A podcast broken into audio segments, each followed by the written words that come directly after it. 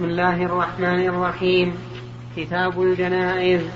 باب في الجنائز وما ومن كان آخر كلامه لا إله إلا الله. وقيل لوهب بن منبه أليس لا إله إلا الله مفتاح الجنة؟ قال بلى ولكن ليس مفتاح إلا له أسنان. فإن جئت بمفتاح له أسنان فتح لك وإلا لم يفتح لك. نعم. باب في الجنائز الجنائز جمع جنازة. ويقال جنازة وجنازة. فقيل لا فرق بينهما. وقيل الجنازة للميت على النعش. والجنازة بالكسر للنعش عليه الميت. وعلى كل حال لا بد من من ميت على نعش سواء قلنا جنازة أو جنازة. وذكر العلماء رحمهم الله أحكام الجنائز بعد في كتاب الصلاة لأن أهم ما يفعل بالميت الصلاة عليه. وإلا فلها مواضع أخرى لائقة بها. لكن هذا أهم ما يفعل بالميت. ثم أشار المؤلف رحمه الله إلى من كان آخر كلام لا إله إلا الله فإنه يدخل الجنة. قيل له ابن منبه. أليس لا من جهة الجنة؟ قصد القائل بذلك أن الإنسان إذا اقتصر على لا إله إلا الله دون أن يأتي بأركان الإسلام كفى أن يكون أهلا لدخول الجنة. لكنه أجاب رحمه الله بجواب سديد قال ما من ما من مفتاح إلا له أسنان فإن جئت بمفتاح له أسنان فتح لك وإلا لم يفتح لك. الأسنان هي شرائع الإسلام. الأسنان هي شرائع الإسلام. لكن هل تتصورون هذا المفتاح الذي له أسنان؟ إي نعم. نعم؟ نعم.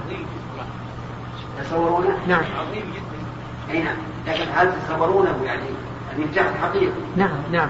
نعم. آه، كانوا الأول.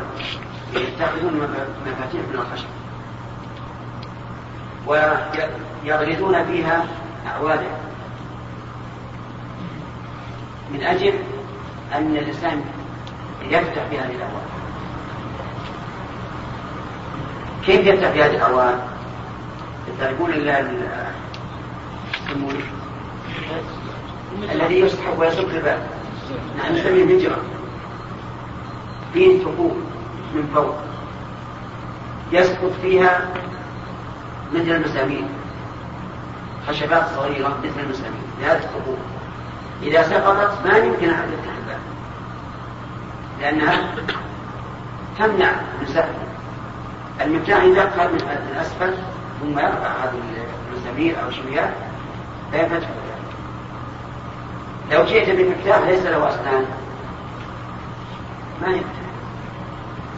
الآن يمكن أن نمثل بمفتاح له إيش؟ مفتاح الحديد الآن. له أسنان أسنان لا ما هي أسنان برادة برادة. إيش؟ برادة. إيش؟ الشر ما نتوءات طيب هذا اقرب شيء. مفتاح له نتوءات تفتح. وأيضا لا بد أن تكون النتوءات اللي فيه مطابقة للنتوءات التي داخل الكفر. لو جئت بمسمار ما في نتوءات تفتح؟ ما تفتح. فعلى كل حال ما قال مولانا بن منبه رحمه الله حق. يعني ليست لا إله إلا الله تنجي ابدا إلا في الحلال كما في حديث حذيفة أن الاسلام يعني يندثر ولا يبقى إلا أقوام لا يعرفون إلا لا إله إلا الله. فهؤلاء يدخلون الجنة. لأنهم معذورون. وإن لم يصلوا ولم يصلوا ولم يصوموا أما بدون عذر فانه لا يمكن أن يدخل الجنة إلا بمفتاح له حدثنا موسى بن إسماعيل. قال حدثنا مهدي بن ميمون. قال حدثنا واصل الأحدب عن المعرور بن سويد. عن أبي ذر رضي الله عنه قال قال رسول الله صلى الله عليه وسلم أتاني آت من ربي فأخبرني أو قال بشرني أنه من مات من أمتي لا يشرك بالله شيئا دخل الجنة. قلت وإن زنى وإن سرق. قال وإن زنى وإن سرق. حدثنا عمر بن حفص قال حدثنا أبي قال حدثنا الأعمش قال حدثنا شقيق عن عبد الله رضي الله عنه قال قال رسول الله صلى الله عليه وسلم من مات يشرك بالله شيئا دخل النار وقلت أنا من مات لا يشرك بالله شيئا دخل الجنة هذا الشخص لكن حال الشخص سواء قوله رضي الله عنه أبو ذر وإن زنى وإن سرق يعني حتى وإن زنى وإن سرق يدخل الجنة.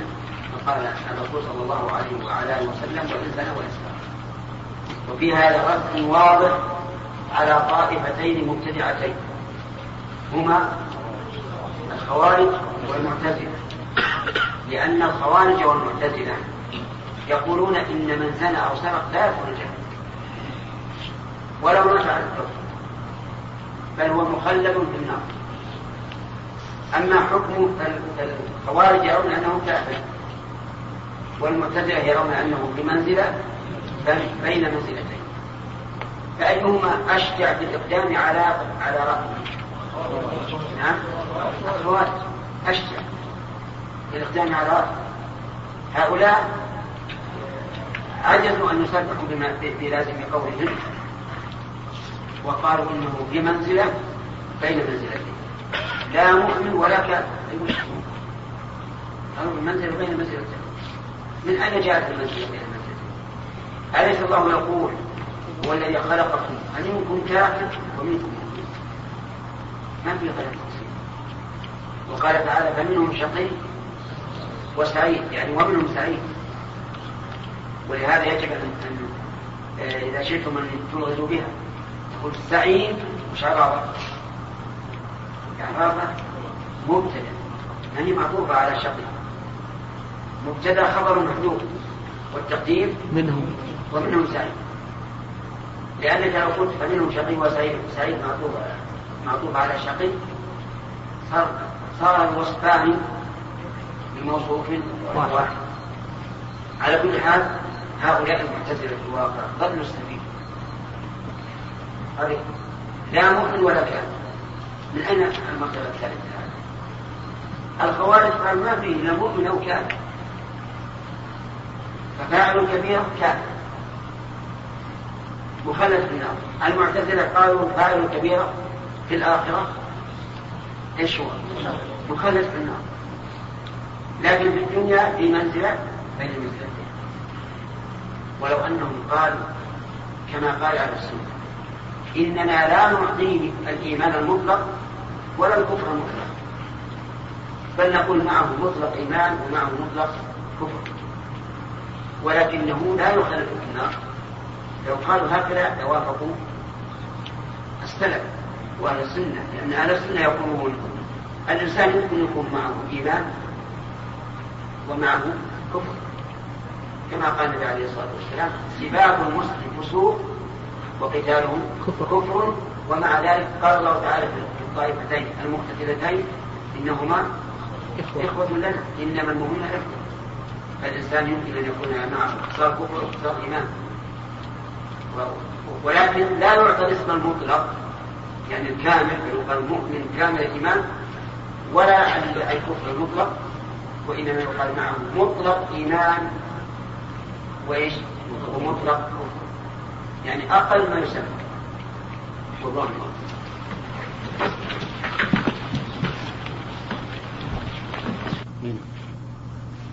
شرف طيب. حديث أبي ذر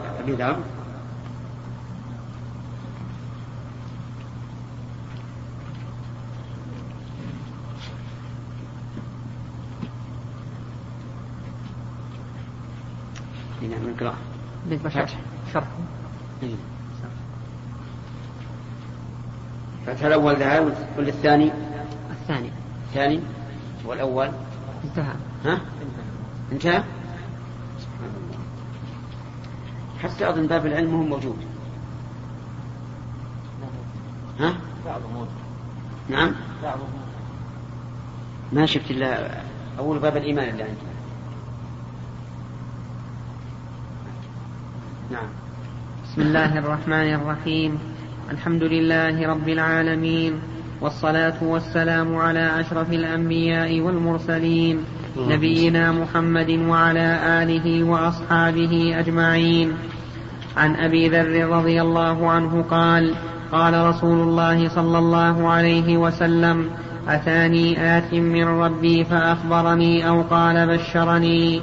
أنه من مات من أمتي لا يشرك بالله شيئا دخل الجنة. فقلت وإن زنى وإن سرق. قال وإن زنى وإن سرق. قال الحافظ ابن حجر رحمه الله تعالى في شرح هذا الحديث. قوله أتان أتاني آت سماه في التوحيد من طريق شعبة عن واصل جبريل وجزم بقوله فبشرني.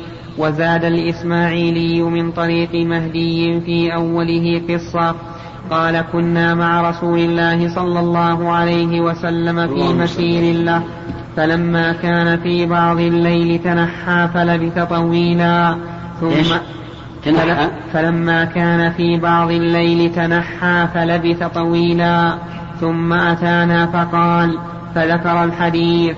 وأورده المصنف في اللباس من طريق أبي الأسود عن أبي ذر قال أتيت النبي صلى الله عليه وسلم وعليه ثوب أبيض وهو نائم ثم أتيته وقد استيقظ فدل على أنها رؤيا منام قوله من أمتي أي من أمة الإجابة ويحتمل أن يكون أعم من ذلك أي أمة الدعوة وهو متجه قوله لا يشرك بالله شيئا أورده المصنف في اللباس بلفظ ما من عبد قال لا إله إلا الله ثم مات على ذلك الحديث وإنما لم يورده المصنف هنا جريا على عادته في إيثار الخفي على الجلي وذلك أن نفي الشرك يستلزم إثبات التوحيد ويشهد له استنباط عبد الله بن مسعود في ثاني حديثي الباب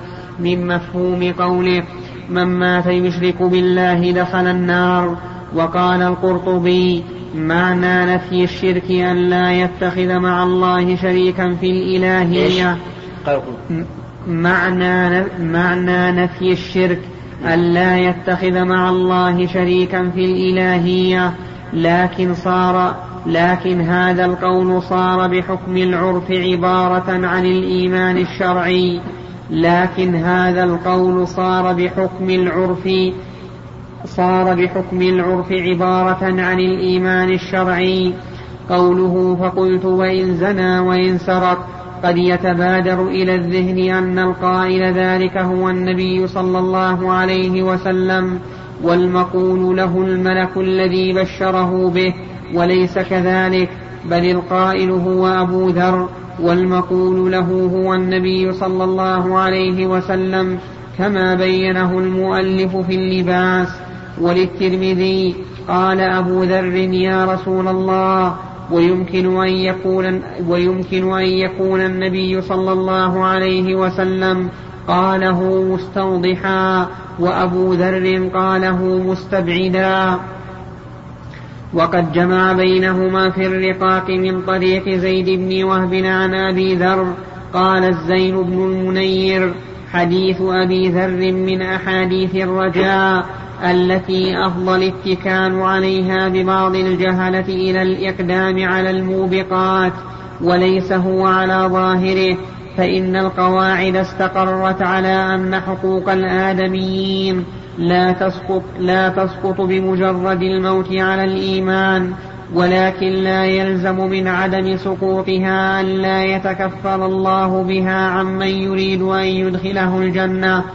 ومن ثم رد رسول الله صلى الله عليه وسلم على أبي ذر استبعاده ويحتمل أن يكون المراد بقوله دخل الجنة أي صار عليه لأنه قال في بعض الألفاظ وإن رغم أنف أبي ذر وإن رغم أنف أبي ذر وهذه الجملة تعني الذل لأن معناها رغم أنفه أي وقع في الرغام يعني في التراب ذلا. نعم. ولا ي... ويحتمل أن يكون المراد بقوله دخل الجنة أي صار إليها إما ابتداء من أول الحال وإما بعد أن يقع ما يقع من العذاب. نسأل الله العفو والعافية. وفي هذا حديث من قال لا إله إلا الله نفعته يوما من الدهر أصابه قبل ذلك ما أصابه. وسيأتي بيان حاله في كتاب الرقاق وفي الحديث أن أصحاب الكبائر لا يخلدون في النار وأن الكبائر لا وأن الكبائر لا تسلب اسم الإيمان ولا تسلب لا تسلب اسم الإيمان وأن غير الموحدين لا يدخلون الجنة والحكمة في الاقتصار على الزنا والسرقة الإشارة إلى جنس حق الله تعالى وحق العباد وكأن أبا ذر استحضر قوله صلى الله عليه وسلم لا يزني الزاني حين يزني وهو مؤمن لأن ظاهره معارض لظاهر هذا الخبر لكن الجمع بينهما على قواعد أهل السنة بحمل هذا على الإيمان الكامل. وبحمل حديث الباب على عدم التخليد في النار قوله على رغم أنف أبي ذر بفتح الراء وسكون المعجمة ويقال بضمها وكسرها وهو مصدر وهو مصدر رغم بفتح الغين وكسرها مأخوذ من الرغم وهو التراب وكأنه دعا عليه بأن يلصق أنفه بالتراب. قوله حدثنا عمر بن حفص أي ابن غياث وشقيق هو أبو وائل. الظاهر لأنه لا, لا يريد أن النبي صلى الله عليه وسلم يقول وإن رغم ليس دعاء لكن معنى أنه سيكون هذا حتى لو سقطت على التراب ورغم أنفك وفي أوله قال النبي صلى الله وفي رواية أبي قوله من مات يشرك بالله في رواية أبي حمزة عن الأعمش في تفسير البقرة من مات وهو يدعو من دون الله ندا. وفي أوله قال النبي صلى الله عليه وسلم كلمة وقلت أنا أخرى. ولم تختلف الروايات في الصحيحين في أن المرفوع الوعيد والموقوف الوعد وزعم الحميدي في الجمع وتبعه مغلط وتبعه مغلطاي في شرحه ومن أخذ عنه أن في رواية مسلم من طريق وكيع وابن نمير. بالعكس بلفظ من مات لا يشرك بالله شيئا دخل الجنة. وقلت أنا من مات يشرك بالله شيئا دخل النار. وكأن سبب الوهم في ذلك ما وقع عند أبي عوانة والإسماعيلي. من طريق وكيع بالعكس لكن بين الإسماعيلي أن المحفوظ عن وكيع كما في البخاري قال وإنما المحفوظ أن الذي قلبه أبو عوانة وحده وبذلك جزم ابن خزيمة في صحيحه والصواب رواية الجماعة. وكذلك أخرجه أحمد من طريق عاصم وابن خزيمة من طريق يسار وابن حبان. من طريق المغيرة كل كلهم عن شقيق وهذا هو الذي يقتضيه النظر لأن جانب الوعيد ثابت بالقرآن وجاءت السنة على وفق على وفقه فلا يحتاج إلى استنباط بخلاف جانب الوعد فإنه في محل البحث إذ لا يصح حمله على ظاهره كما تقدم وكأن ابن مسعود وكأن ابن مسعود لم يبلغه حديث جابر الذي أخرجه مسلم بلفظ قيل يا رسول الله ما الموجبتان؟ قال من مات لا يشرك بالله شيئا دخل الجنة ومن مات يشرك بالله شيئا دخل النار. وقال النووي الجيد أن يقال سمع ابن مسعود اللفظتين من النبي صلى الله عليه وسلم ولكنه في وقت حفظ إحداهما وتيقنها ولم يحفظ الأخرى فرفع المحفوظة وضم الأخرى إليها وفي وقت بالعكس قال فهذا جمع بين روايتي ابن مسعود وموافقته لرواية غيره في رفع اللفظتين انتهى. وهذا الذي قال محتمل بلا شك لكن فيه بعد مع اتحاد مخرج لكن فيه بعد مع اتحاد مخرج الحديث. فلو تعدد مخرجه إلى ابن مسعود لكان احتمالا قريبا مع أنه يستغرب من انفراد راو من الرواة بذلك دون رفقته وشيخهم ومن فوقه. فنسبة السهو إلى شخص ليس بمعصوم أولى من هذا التعسف. فائدة حكى الخطيب في المدرج أن أحمد بن عبد الجبار رواه عن أبي بكر بن عياش عن عاصم مرفوعا كله وأنه وهم في ذلك. وفي حديث ابن مسعود دلالة على أنه كان يقول بدليل الخطاب. ما غيظ سطر واحد. طيب. ويحتمل أن يكون أثر ابن مسعود أخذه من ضرورة انحصار الجزاء في الجنة والنار وفيه إطلاق الكلمة على الكلام الكثير وسيأتي البحث فيه في الأيمان والنذور. لا شك أن الكلمة تطلق على الجمل المفيدة بدلالة القرآن والسنة.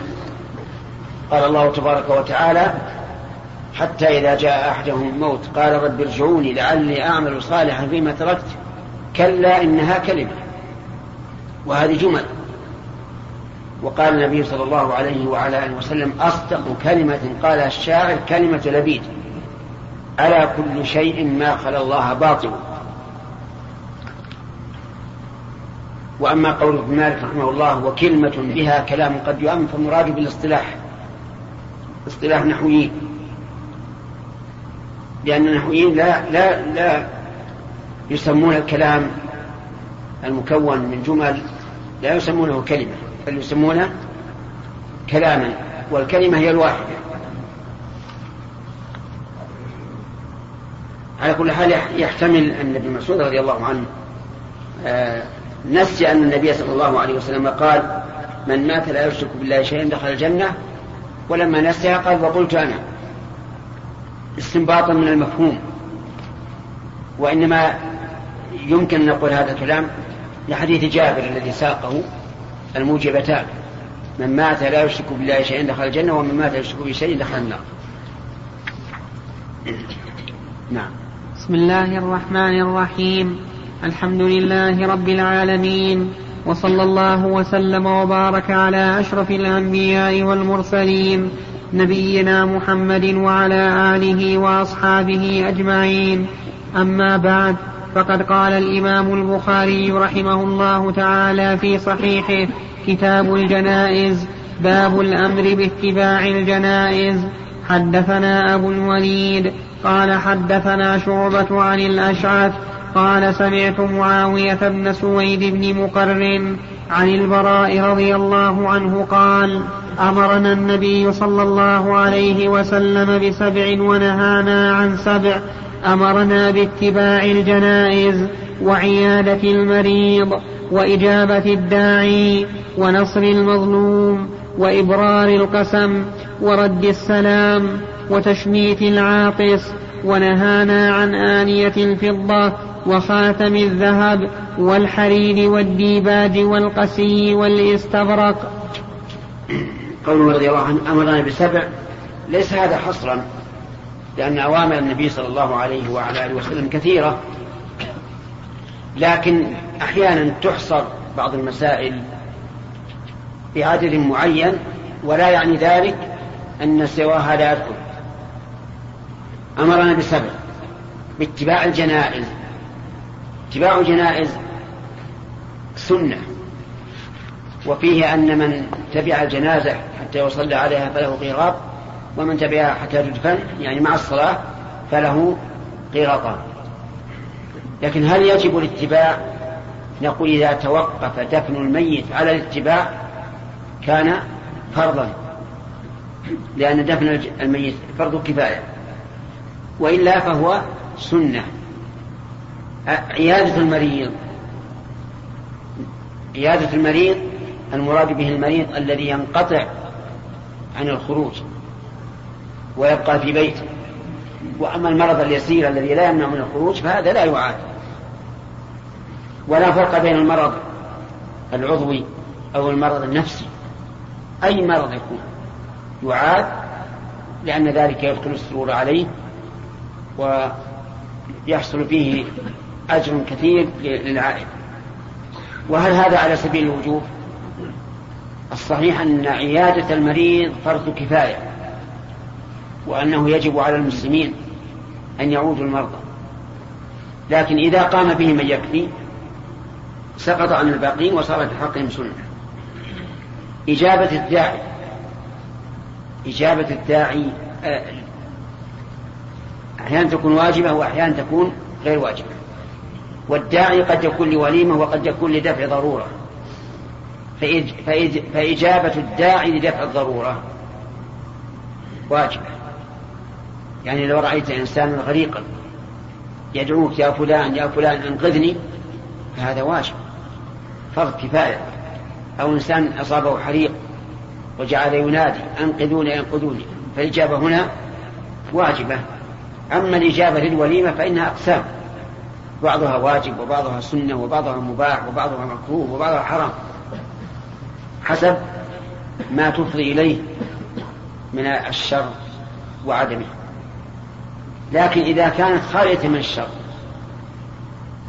فمذهب أهل الظاهر أنها واجبة وأن من دعاك يجب أن تجيبه إلا إذا كان عليك ضرر. وأكثر العلماء على أنها لا تجب إلا في وليمة العرس. إذا دعاه أول مرة وسلمت من المحظور والمحظور الشرعي. نص المظلوم واجب.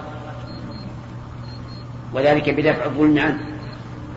ولا فرق بين المظلوم في ماله أو في بدنه أو عرضه. كل ذلك واجب. المظلوم في البدن أن تجد شخصا يضرب إنسانا. ظلما. فيجب عليك أن تنصره. في ماله أن تجد إنسانا يريد أن يأخذ مال آخر. فيجب عليك أن تدفع عنه وتنصره. في عرضه أن تسمع شخصا يتكلم في عرض الإنسان. فيجب عليك أن تنصره وتذب عنه. والظالم تنصر أو لا؟ نعم تنصره. لكن بماذا؟ بمنعك إياه من الظلم كما قال النبي صلى الله عليه وعلى آله وسلم. لا أن تعينه على الظلم. فالواجب على من رأى ظالما أن ينصره بمنعه من الظلم ما استطاع. وإبرار القسم. وفي رواية المقسم أي من حق المسلم على أخيه آه نعم. أي مما أمر به النبي صلى الله عليه وعلى آله وسلم إبرار القسم.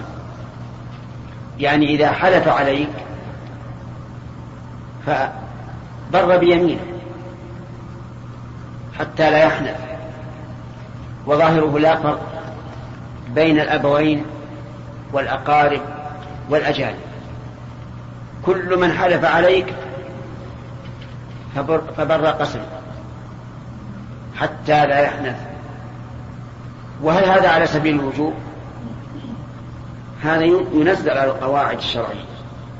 لو حلف عليك وقال أقسم عليك أن تخبرني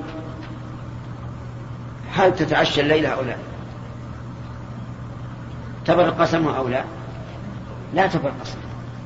بل هذا ينبغي أن توبخ وتقول له من حسن إسلام المرء تركه ترك ما لا يعني لكن إذا كان لقسمه وجه فإنك تبر بقسمه.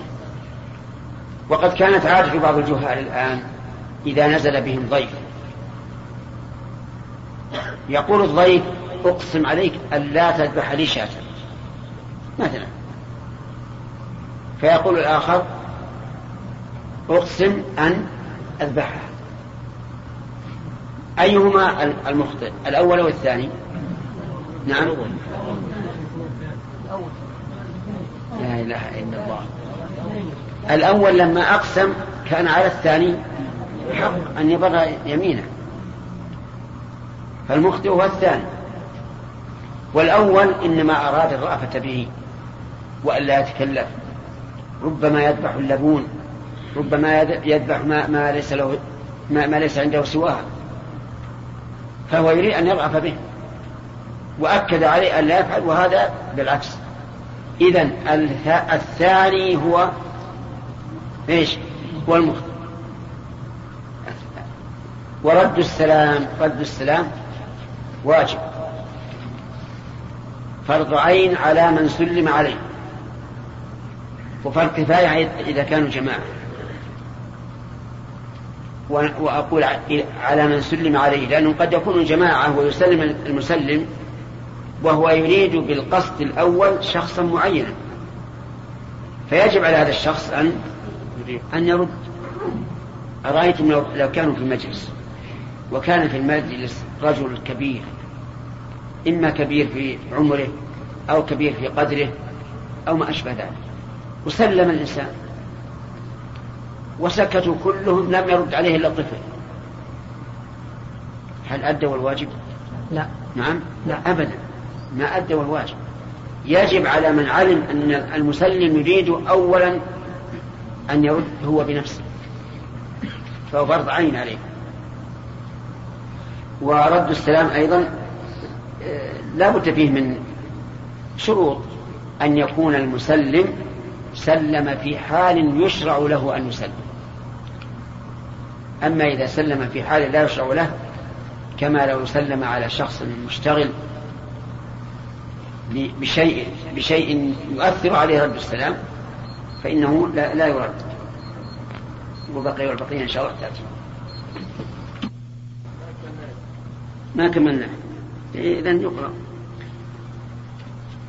قال رحمه الله تعالى في باب الأمر باتباع الجنائز. حدثنا محمد قال حدثنا عمرو بن أبي سلمة عن الأوزاعي أنه قال أخبرني ابن شهاب أخبرني ابن شهاب قال أخبرني سعيد بن المسيب أن أبا هريرة رضي الله عنه قال سمعت رسول الله صلى الله عليه وسلم. سم؟ حديث البراء. نعم. عن البراء بن عازب.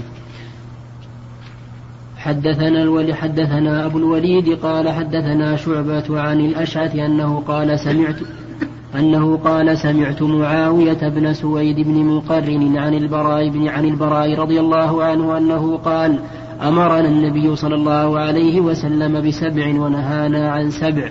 أمرنا باتباع الجنائز وعيادة المريض وإجابة الداعي ونصر المظلوم وإبرار القسم ورد السلام وتشميت العاطس.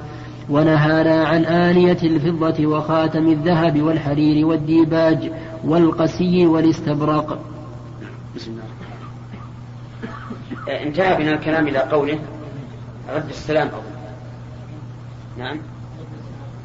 رد السلام. وبينا أن رد السلام فرض كفاية إلا إذا علم أن المقصود بالسلام واحد فإنه يتعين عليه أن يرد. وتشميت العاطس. تشميت العاطس أي قول يرحمك الله لكن قيد في أحاديث أخرى إذا حمد الله. فإذا قال الحمد لله وجب على من سمعه أن يقول يرحمك الله. وهل هو فرض كفاية أو فرض عين؟ أكثر العلماء على أنه فرض كفاية ولكن السنة تدل على أنه فرض عين لقوله كان حقا على كل من سمعه. فإن لم يحمد الله فلا فلا يشمت تعزيرا له. وهذا النوع من التعزير حرمان الخير الذي يحصل بالدعاء. وكما مر علينا في سبق أن العقوبات نوعان إما فوات محبوب أو حصول مكروه. فالذي فالذي يقتني كلبا إلا الكلاب المستثنات ينقص من كل كل يوم من أجله قراط أو قراطان وأما وهذا فراش محبوب. وأكثر العقوبات حصول مكروه. طيب يقول نقول العاطس يشمت إذا عطس مرة شمت مرة أخرى شمت مرة ثالثة شمت لكن بدعاء آخر تقول له عافاك الله إنك لمسكون. قال العلماء وينبغي للعاطس أن يخفض صوته. وهذا إن استطاع. وإلا فليجعل الأمر على طبيعته فلعله أحسن حتى تخرج هذه الريح المخزونة في الدماغ على وجه مضطرب. لكن ينبغي أن يغطي وجهه بردائه أو بغترته أو مشلحه أو بيديه لكنه بالرداء وشبه أو أولى لأنه إذا غطاه بيديه فربما يكبت نفسه وربما يخرج أذى يقع في يديه. لكن إذا غطه بالرداء ونحوه سلم من هذا. قال ونهانا عن آنية الفضة. نهانا يعني النبي صلى الله عليه وسلم عن آنية الفضة يعني عن الشرب بها والأكل بها. كما جاء ذلك مصرحا به في لفظ آخر. وأما استعمالها في غير الأكل والشرب ففيها خلاف بين العلماء ففيه خلاف بين العلماء. والظاهر الجواز لأن النبي صلى الله عليه وعلى آله وسلم إنما نهى عن الأكل والشرب. ولأن أم سلمة وهي من روى التحذير عن الشرب في آنة الفضة كان عندها جلجل من فضة فيه شعرات من شعر النبي صلى الله عليه وعلى آله وسلم. تستعمله نعم إذا أفضى ذلك إلى حد الإسراف. وقيل إن هذا الرجل الذي آه، اتخذ آنة الذهب يحفظ بها الأشياء مسرف حينئذ يكون حراما من جهة أخرى. ونهى عن خاتم الذهب. من؟ الذكور والإناث. الذكور هذا هو الصواب. أن النهي عن خاتم الذهب خاص بالذكور. وأما الإناث فلا يحكم عليهن. وأما من استدل بهذا الحديث على تحريم المحلق من الذهب ففي استدلاله نظر.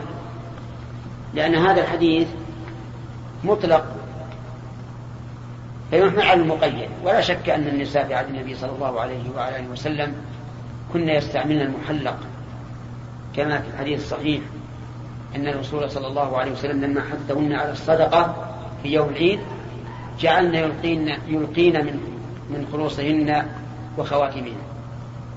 ولأن النبي صلى الله عليه وسلم قال أحل الذهب والحرير لإناث أمتي. والحرير على على الرجال. أما النساء فلا بأس أن تلبس المرأة الحرير لأنه محتاجة إلى التزين. قال الله تعالى أو من ينشأ في الحلية وهو في الخصام غير مبين. يعني بذلك المرأة يعني أو من ينشأ في الحلية وهو في الخصام غير مبين كمن ليس كذلك. فهنا المعاد المحذوف معلوم من السياق. يعني أو من ينشأ الحلية يعني هو المرأة كمن لا ينشأ وهو الذكر فها وهو إنكار على الذين جعلوا لله البنات ولهم الذكور. طيب إذن المرأة يحل لها الحرير. ولكن هل المراد اللبس أو جميع الارتفاقات؟ المذهب أنه جميع الارتفاقات. حتى لو جعلت لها فراشا من حرير فلا بأس. أو مخدة من حرير فلا بأس. والصحيح أنه خاص باللبس فقط. لأن هذا هو الذي إيش؟ تحتاج إليه.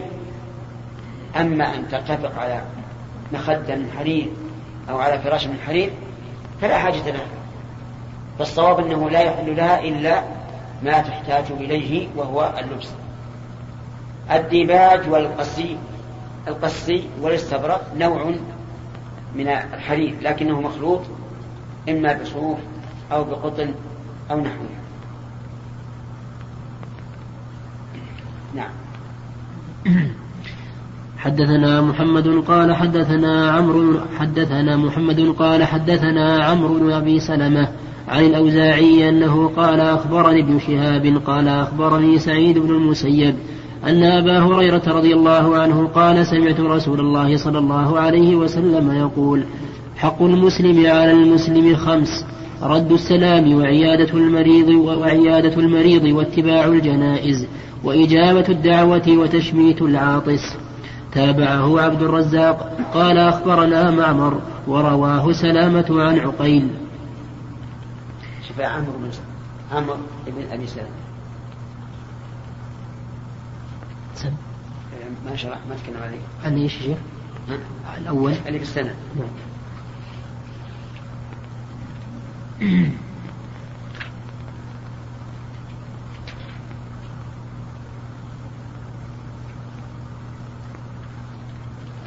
نعم.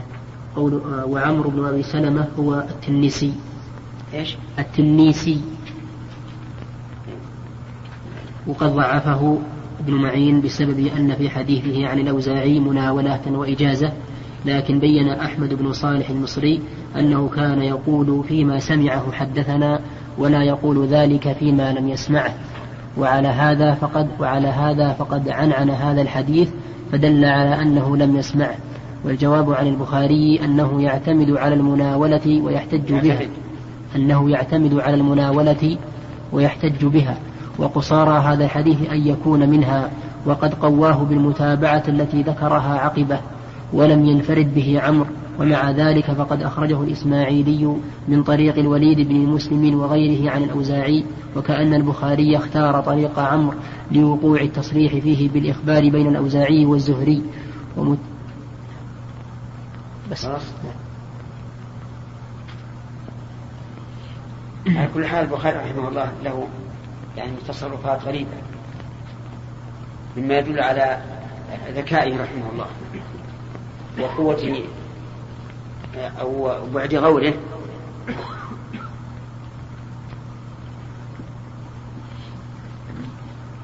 نعم. إذا ما خلصنا. خلصنا؟ خلص الباب؟ نعم نعم. شيخ أحسن الله عليك بالنسبة للرجال لما يحل لهم من الذهب هل الساعات المطية بطلاء الذهب أو ما فيها من عقرب أو نحوه هل تباح لهم أو لكم فيها رأي؟ اي نعم المذهب لا تباح. المذهب لا تباح. والذي نرى أنها تباح بشرط أن لا يتخذها زينة. يعني بأن تكون في في في جيبه. أما إذا اتخذها زينة فهذا لا, لا تجوز. لكن هو معلوم أنه أنهم يلبسونه في, الأيدي. لا لا يجوز يجوز. زينة؟ هذا لا يجوز. زينة. نعم. هذا لا تجوز. إشكالين إشكالين ولا اشكالان؟ إيه؟ أنا أنصح. ألزم المثنى الألف مطلق. وإذا انتقدك أحد فقل فيها لغة. عرفت؟ وأنت عندي يكون ضبطيا أ- أ- شيء أنا أنصحك الآن. أنت لن تدرك إعرابها في كل في كل جملة ابدا. يكون فعليك بالألف. وأي إنسان يقول لك تقول فيها لغة. فهمت؟ طيب. فإذا قلت ضربت الزيداني غلط الصواب؟ ضربت الزيدين قل فيها لغة الحمد لله. نعم. الأول اذا عندي فيها إشكالان أحسن من عندي فيها إشكالين. نعم. الأول يعني قد يقول قائل قولنا أم سلمة دخلت وجوها من فضة ونحن يعني نقول بجواز اتخاذ لا الفضة الآن. يقول هذا ليس يعني آنية جلجل لا يكون ال- الأواني كيف؟ يعني قولنا أن أم سلمة اتخذت وجوها من فضة وأخذنا من ذلك أنه